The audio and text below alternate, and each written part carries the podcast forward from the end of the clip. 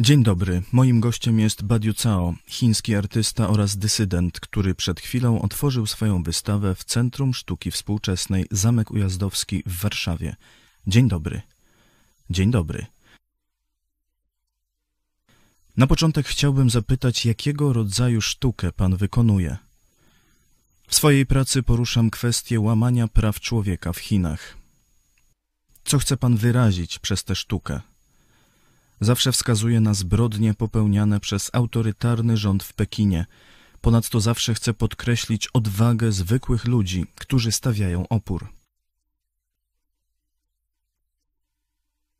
Dlaczego wykorzystuje pan sztukę, aby pokazywać prawdę o reżimie? Zwyczajnie jestem artystą, więc robię to, co mogę zrobić. Czy to jest skuteczny sposób walki? Nie jest łatwo obalić reżim autorytarny. Jako artysta nie oceniam, czy jest to sposób skuteczny, czy nie. Uważam, że jest to właściwy sposób.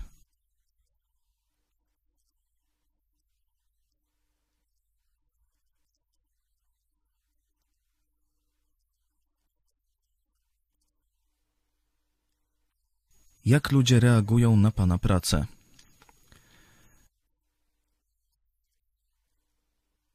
Niektórzy są zdenerwowani, niektórzy są bardzo zadowoleni, ale najistotniejsze jest, aby rozpocząć dyskusję z różnymi ludźmi, sprawić, aby zaczęli zastanawiać się nad pytaniami dotyczącymi praw człowieka i pozwolić im odkryć prawdę samodzielnie.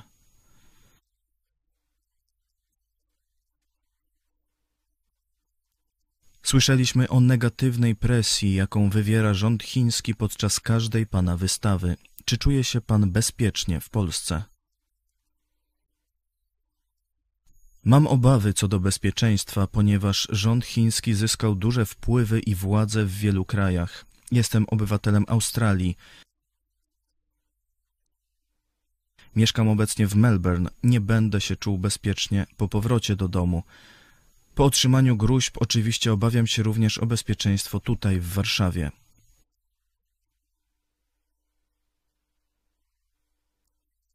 Kogo chciałby pan zaprosić na wystawę? Chciałbym zaprosić każdego, ponieważ wierzę, że sztuka nie jest spotkaniem za zamkniętymi drzwiami. Chodzi o zadawanie pytań, zarówno przez moich przyjaciół i ludzi, którzy kochają moją sztukę, jak i tych, którzy się ze mną nie zgadzają. Nie wykluczam ich z dyskusji, jeśli tylko przyjdą tutaj i są otwarci na dyskusję.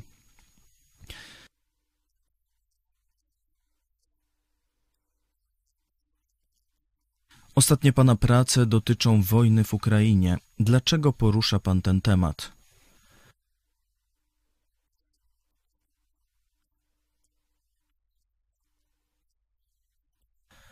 Uważam, że nie ma niczego bardziej przerażającego, okrutnego i nieludzkiego niż wojna, niż inwazja prowadzona przez dyktaturę. Innym powodem jest fakt, że Chiny mają najmocniejsze relacje właśnie z Rosją. Chcę więc wykorzystać sztukę do komentowania tej wojny bardziej niż jakiegokolwiek innego tematu.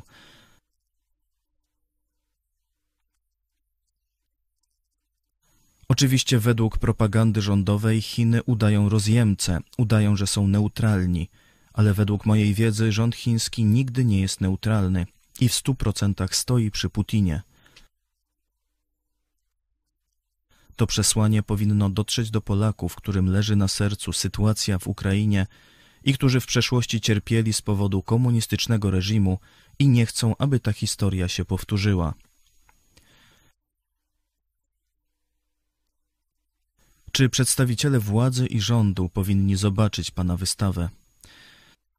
Tak, powinni ją zobaczyć, aby podnieść sobie ciśnienie. Czy pana zamiarem jest ostrzeganie społeczeństw lub państw przed chińskim reżimem, który jest niebezpieczny, o czym mówił pan podczas konferencji prasowej?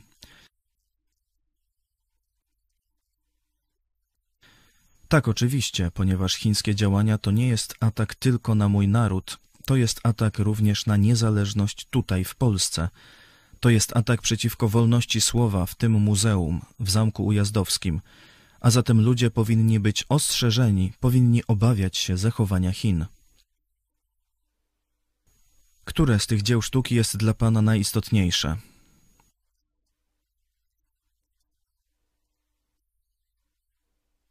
To jest niezwykle trudne pytanie. Jako twórca nie mam preferencji. Każda z prac ma swoją indywidualną historię do opowiedzenia. Dotyka indywidualnego przypadku człowieka. Nie potrafię więc wskazać, która z prac jest najistotniejsza. Każda ma swoją wartość, każda ma za sobą historię, która czeka na opowiedzenie.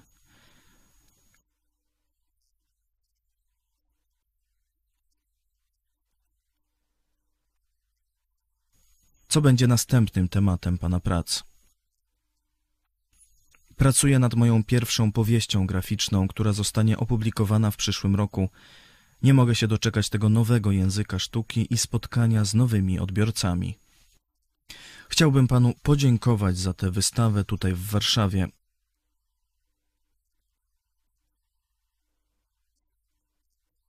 Czy chciałby Pan zaprosić naszych widzów na tę wystawę?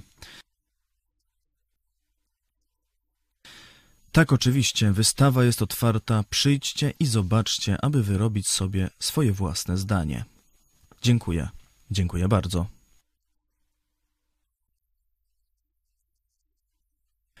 Moim gościem jest Michaela Szilpochowa, która współpracuje z Badiusao i jest odpowiedzialna za tę wystawę. Czy może Pani powiedzieć naszym widzom, jak rozpoczęła się Pani współpraca z Badiucao? Po raz pierwszy spotkałam Badiucao w Pradze w 2020 roku na festiwalu filmowym poświęconym prawom człowieka. Miał tam zaprezentować swój program. To było tydzień przed wybuchem pandemii COVID-19, więc jego program nigdy nie doszedł do skutku. Natomiast spotkaliśmy się tam, pokazał mi swoje prace i wyjaśnił cel swojej pracy. Omówiliśmy możliwość zorganizowania wystawy przez organizację, w której pracuję. Jest nią Centrum Sztuki Współczesnej DOCS w Pradze. Dlaczego zdecydowała się Pani na współpracę z Badiu Cao? To niezwykle ważne, aby w dzisiejszych czasach nagłaśniać takich artystów jak Badiu Cao. Jeśli ktoś, tak jak ja, pracuje w organizacji, która może udostępnić swoją przestrzeń, by przekazać przesłanie Badiu Cao, to w dzisiejszych czasach jest to nasz obowiązek.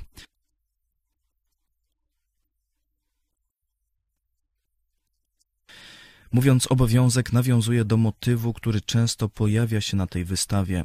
Badiu Cao ma przekonanie, że jego obowiązkiem jest sprzeciwić się propagandzie, manipulacji zbiorową pamięcią, gwałceniu praw człowieka i temu wszystkiemu, co dzieje się we wszystkich regionach uciskanych przez Chiny.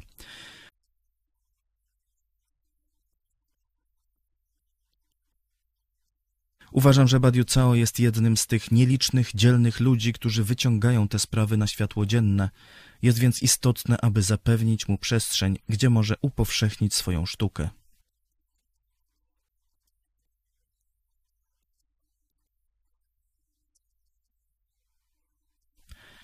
Kto interesuje się tą wystawą? Trudno przewidzieć, kto przyjdzie na tę wystawę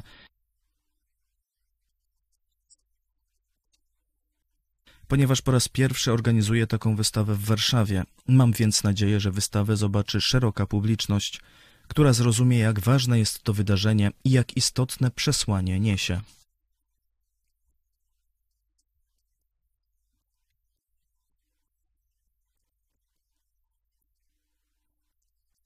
Podczas konferencji prasowej zarówno pani, jak i Badiu Cao mówiliście o presji, jaką wywiera rząd chiński i ambasada Chin aby powstrzymać tę wystawę. Czy to pani nie zniechęca?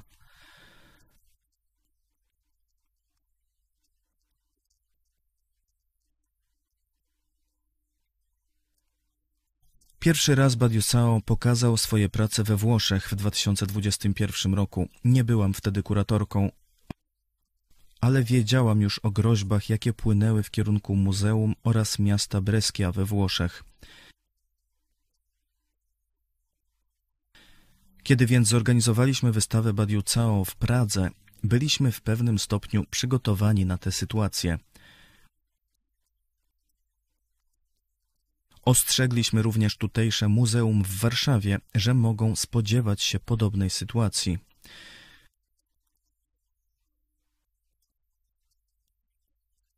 Różnica była jednak taka, że we Włoszech Chińczycy wysłali notę dyplomatyczną, w Pradze dzwonili do mnie na mój prywatny numer telefonu, a tutaj zjawili się osobiście.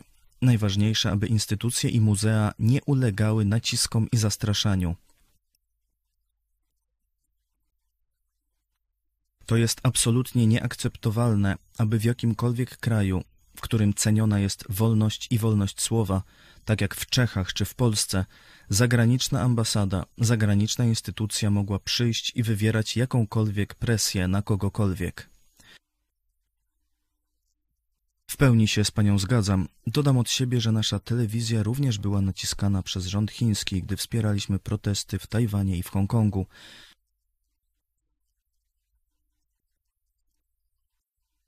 Zwrócili się wtedy do Ministerstwa Spraw Zagranicznych, aby powstrzymać telewizję Idź Pod Prąd. Dziękuję za Pani wkład pracy w organizację tej wystawy oraz za zaproszenie Badiusao do Polski.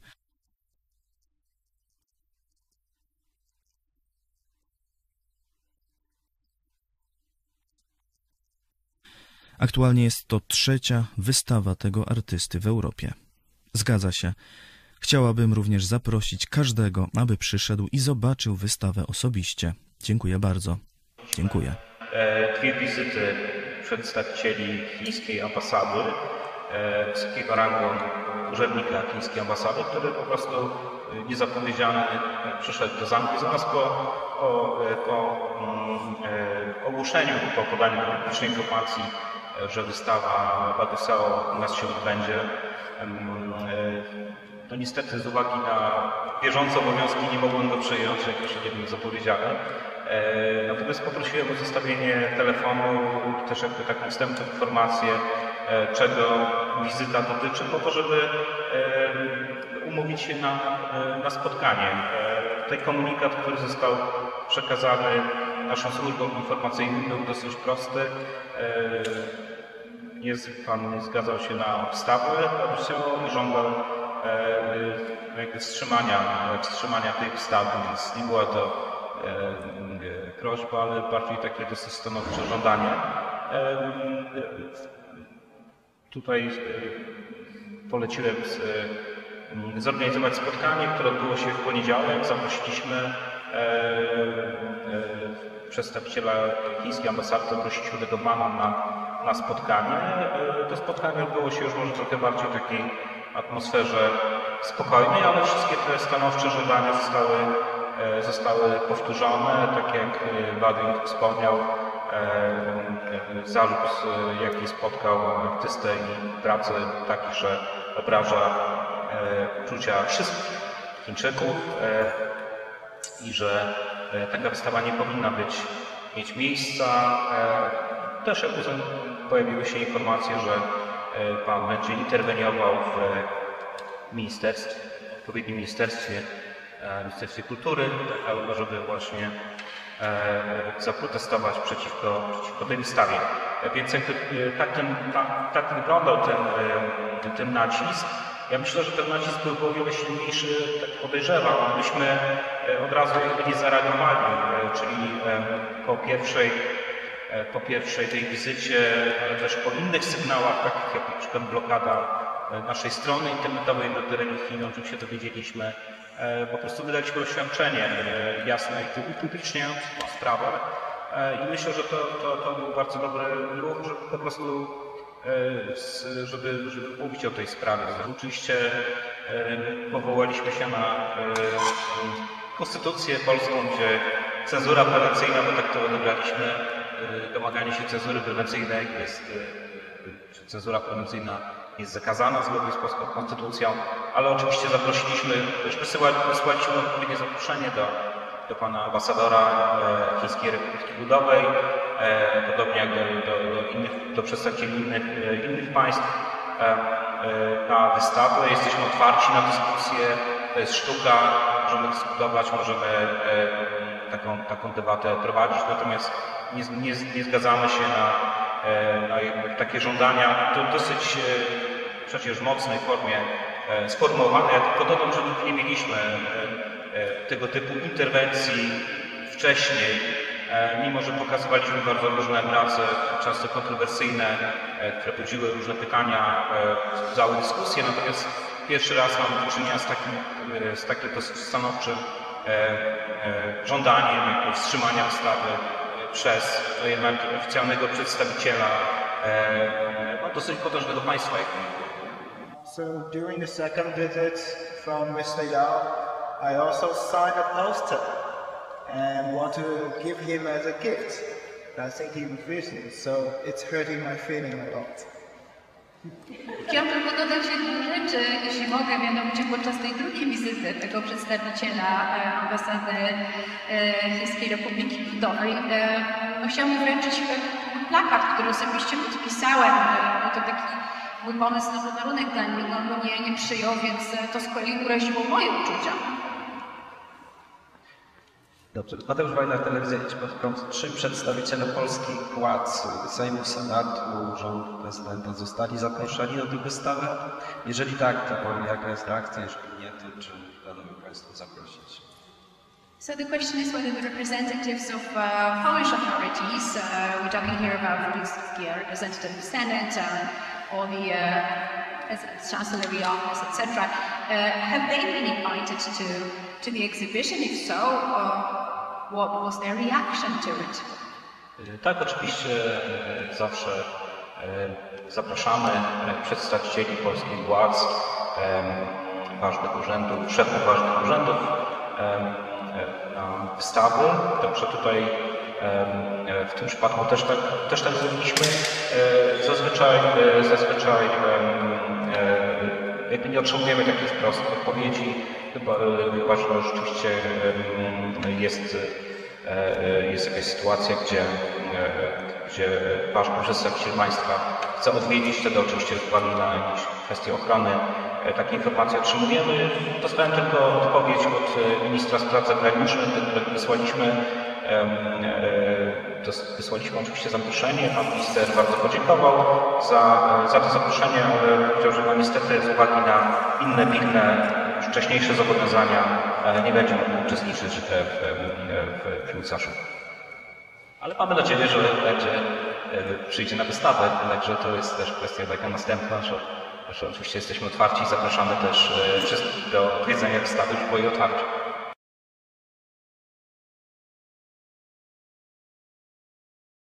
Ludzie niespecjalnie zainteresowani Bogiem czy Biblią potrafią dostrzec różnicę pomiędzy nowonarodzonymi, biblijnymi chrześcijanami. W pewnym kulturowym sensie nazywa się nas protestantami, ale nie jest to precyzyjne określenie, a e, katolikami czy kościołem katolickim. Dam Wam przykład z ostatnich dni. Jak wiecie, byłem na pogrzebie no i tam taka bardzo dziwaczna atmosfera, pomieszanie z poplątaniem, takie psychodeliczne śpiewy, y, zaprzeczanie w tych modlitwach, w tych wyznaniach y, prawdą jedna drugiej przeczy, nie? Tu Maria orędowniczka, tu Jezus orędownik, tu zbawiony, tu idzie, przyjmij go do nieba, nie? Taki kompletny odjazd. E, oczywiście nikt tym się nie rozeznaje o osobistej wierze w Jezusa to nikt nawet nie słyszał ani nie myśli. Raczej jest to kultura, tradycja, wiara ojców i tak dalej, pewne przyzwyczajenia. No i oni już tych pogrzebów odbębnili w swoim życiu pewnie kilkanaście, kilkadziesiąt e, i tak dalej. No a tu była grupa nowonarodzonych chrześcijan i zmarła, zażyczyła sobie jeszcze za życia, żeby nad jej trumną zaśpiewać cudowną Bożą łaskę. I myśmy tylko tam gdzieś powiedzmy w 15-20 osób stanęli i zaśpiewali. Tylko tyle świadectwa. Cudowna Boża łaska, oczywiście, no treść jest piękna, muzyka również, nasze wykonanie, no tam staraliśmy się jak najlepiej, ale ci ludzie, mimo że no przecież do tak zwanych innowierców to nie są zbyt dobrze nastawieni, to jeden do drugiego mówili, no to jakoś tak inaczej. Ale w tym pozytywnym sensie, że ich zadziwiło, że to nie musi być tej, tej rutyny, tej powtarzalności, tej nudy, tego bełkotu, bez sensu, ale może być żywa wiara. Ludzie, którzy jak gdyby widzą swojego Boga, żyją z nim i kochają go. To musimy Polakom pokazać. To jest ta różnica. To przekona nawet niedowiarków.